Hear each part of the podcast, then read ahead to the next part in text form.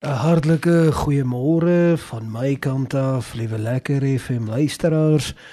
Wat 'n groot eer en voorreg om vanmôre in die teenwoordigheid van die Here met u net so 'n bietjie te gesels. Daar is sekerlik geen groter eer as om tyd te spandeer in die teenwoordigheid van die Here. En ek wil jou vanmôre tydens hierdie week en ook in hierdie vakansietyd werklik waar motiveer om heelhartig die Here aan te gryp om heelhartig op die Here te vertrou. Maak nie saak wat die omstandighede is nie maak nie saak hoe moeilik dit mag wees nie. Die Here glo ek met my hele hart en met my hele siel is net daar En baie keer is dit so dat 'n mens begin twyfel en 'n mens wonder as 'n mens veral na die omstandighede rondom jou kyk, dan begin mens nogal baie paniekbevange word want probleme is amper asof hulle groter word en nie kleiner word nie. En miskien dalk net vanmôre sit jy in daardie selfde omstandigheid waar jy dit ook so ervaar en gewaar dat dinge doeteenvoudig net voel dit raak erger en erger amper asof dit vir jou voel op elke iedere vlak van jou lewe. In elke riem van jou lewe op elke area van jou lewe daar waar mense in jou lewe is daar voel dit asof dinge net heeltemal buite beheer word. En ek wil graag vir jou vandag bemoedig en laat ek vir jou vandag ook die waarheid sê dat ek is eerste in die ry. En kom ons vertrou dat die Here wat gister dieselfde was soos wat hy vandag is, hy wat ook in die toekoms dieselfde sal wees, dat hy ook soos talle vorige kere in jou lewe ook deurgebreek het en die Here waarlik waar vir jou ook 'n groot verskil sal maak. Ek glo en vertrou dat die Here by vandag se boodskap jou hart taamlik sal stig. En kom ons vertrou dat die Here die merk van môre sal tref en jou hart werklik optel en verkoop in alle fasette. Ek gaan vir jou vra om net so te sit. En dan gaan ek vir jou vra om jou oë saam met my te sluit. Kom ons vertrou die Here vanmôre. Hemelse Vader, so in 'n nuwe week in 'n vakansiegety. Terwyl ons rondom ons kyk en ons sien die feesviering en ons voel dat daar baie gelukigheid in die lug is, weet ons ook dat daar is baie spanning in die lug daar is ook baie mense wat miskien dalk wonder hoe sal hulle die nuwe jaar ingaan? Hoe sal hulle die nuwe jaar kan hanteer? Ek glo daar is baie wat vermoere dalk diep binne in hulle harte wonder oor die toekoms. En wonder hoe sal hulle dan nou ook die die lig aan die ander kant van die tonnel sien? Here, ek bid dat U vandag deur middel van hierdie paar praktiese punte hulle harte sal kom verkoop en daarby daar daarmee saam ook Here bid ek dat U my hart ook sal verkoop.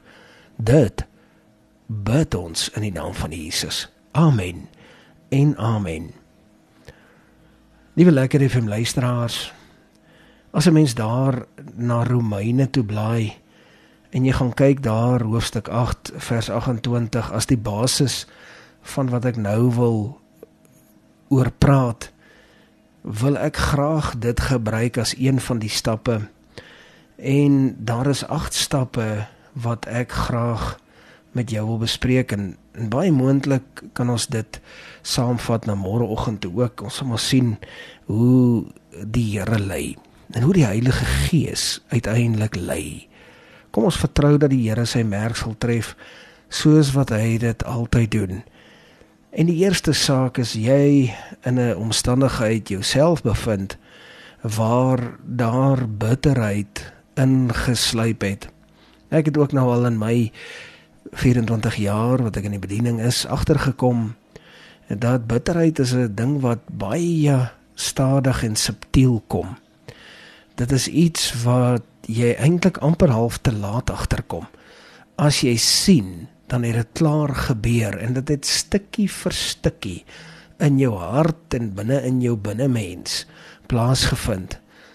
En een ding seker waaroor ons kan saamstem is dat bitterheid nie veronderstel is om 'n plek te hê in die hart van 'n gelowige mens nie. In die hart van 'n kind van die Here het bitterheid nie 'n plek nie. Want bitterheid raak al hoe erger. Dis soos 'n sneeubal wat al hoe groter en groter word. Hy is amper asof hy soos ons sal praat in die ou taal van klitsgras wat al hoe meer vassit en vassit en naderhand sukkel jy jou dood om jouself skoon te maak van al die klitsgras wat aan jou kom vasklou het. En ek glo as jy Romeine 8:28 as fondasie kan gebruik, dan is ons al reeds op 'n baie goeie plek. Dan is ons al reeds op 'n baie meer gesonder plek. En daar wil ek noem dat vertrou op die Here. Vertrou dat die Here die slegte sal gebruik uiteindelik om die goeie in jou lewe te laat plaasvind. Ek glo dat as ons vas vertrou, dan sal die Here alles ten goeie laat meewerk. Mits dit uiteindelik is vir die wil van die Here. Mits dit gaan rondom die saak van die Here, om die saak van die Here te bevorder. Ek is vas oortuig daarvan. Ek glo nie dat hierdie gedagte iets uit te waai het sommer maar net met ons persoonlike lewe nie. Ek dink dit het iets uit te waai met die feit dat sou ons teenoor die saak van die Here alles doen. Alles vind wat ons hande vind om te doen. Alles doen wat ons hande vind om te doen. Dan sal die Here dit gebruik tot iets goeds in ons lewe mits jy 'n besluit kan neem en dit sommer vanmôre doen. Om te sê dat ek sal my saak tot die eer en die verheerliking van die Here handhaaf. Dat my saak eintlik gaan rondom die eer en die verheerliking van die Here dat hy dan alle slegte omstandighede vir die goeie sal draai. Ek glo dat as ons vashou daaraan dat die Here tog getrou is al voel dit asof dit al 10 jaar, 12 jaar vat, 14 jaar vat. Al voel dit asof dit al so lank is dat jy dit amper nie eens meer kan tel nie. Glo ek dat die Here nog steeds vanuit dit 'n groot verskil sal maak. Die eerste gedagte is vertrou die Here. Dat hy die sleg sal verander na die goed en dat dit wat tans jou uitdaging is en tans jou grootste en mees gemeenste uitdaging is en wat jy op dese aarde nie kan verstaan wat aan die gang is nie dat die Here dit sal draai en dat dit ten goeie sal meewerk. En as jy vandag saam met my 'n besluit kan neem en kan sê kom ons maak 'n besluit 'n kom ons maak 'n belofte dat as dit ten goeie meewerk dan sal ek en jy getuig daaroor. Ek dink dis mos maklik genoeg. Dis mos maklik genoeg om te sê Here ja ek steek my hand op. Ek sal praat as u daardie saak in my lewe. Wanneer u daardie saak in my lewe aanspreek die oomblik as u dit doen dan sal ek ook nie stil bly nie. Ek sal van u goeie dade getuig. Ek sal sê ek was hier nou is ek daar. Wat is die verskil? Die Here met sy groot genade het die verskil kom maak. Kom ons maak saam daardie besluit. Die tweede gedagte om daardie bitterheid te beveg met alles binne in ons is om te sê dat ek plaas my vertroue en ek plaas my hoop alleen op die Here in geen ander. Alleen op die Here.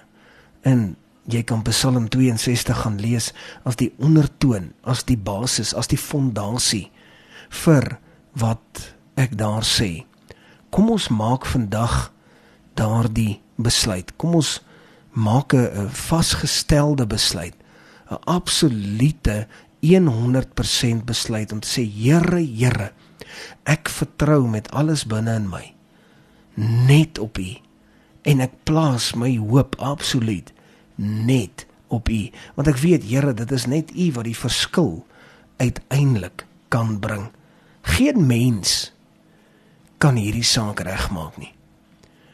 Geen bankrekening kan hierdie saak regmaak nie. Dit is net u, want dit is 'n holistiese saak. Dit stop nie net by by een ding of twee dinge nie. Dit bestop by waar u die deure open en dit uiteindelik is waaroor dit vir my gaan.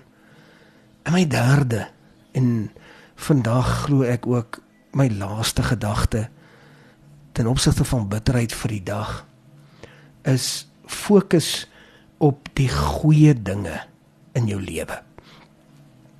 En daarvoor wil ek graag Filippense 4 vers 8 gebruik as die fondasie. Fokus op die goeie dinge in jou lewe. Fokus op dit wat wel regloop. Moenie fokus op dit wat verkeerd loop nie. En ek weet dit is uiters moeilik. Dit is uiters moeilik want dit wat verkeerd loop is oorweldigend. Oorweldigend. Fokus eerder op dit wat reg is, nie dit wat verkeerd is nie. Ek gaan kyk 'n bietjie wat loop reg. En dan kom ons praat oor dit. As dit nodig is, vat 'n stukkie papier, skryf dit neer. Skryf neer, Here, hierdie hierdie en hierdie is is is sake wat regloop. En vir dit wil ek U net loof en prys met alles binne in my. Ek wil vir U dankie sê dat hierdie en hierdie en hierdie uiteindelik wel geseënde gedagtes in my lewe is. En ek kan nie anders as om U te prys daarvoor nie. Ons maak vandag 'n besluit. Ons maak vandag 'n besluit om te sê ek gaan nie kyk na die negatiewe nie. Want as 'n mens die negatiewe besigtig, dan sê jy nooit ophou nie. Ek weet dit raak naderhand uitmergelend. Die negatiewe is is oral rondom 'n mens. Maar as 'n mens dit tersyde stel en jy's bereid om te sê ek kyk eerder na die positiewe, dan is ek doodseker dit sal uiteindelik die verskil maak. Tot sover die woord van die Here. Kom ons sit net so.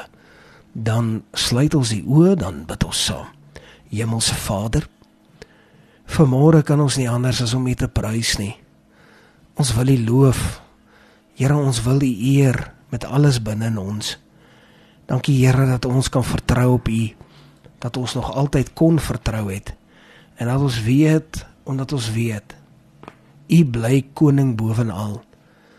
En Here dat U hand in ons lewe is.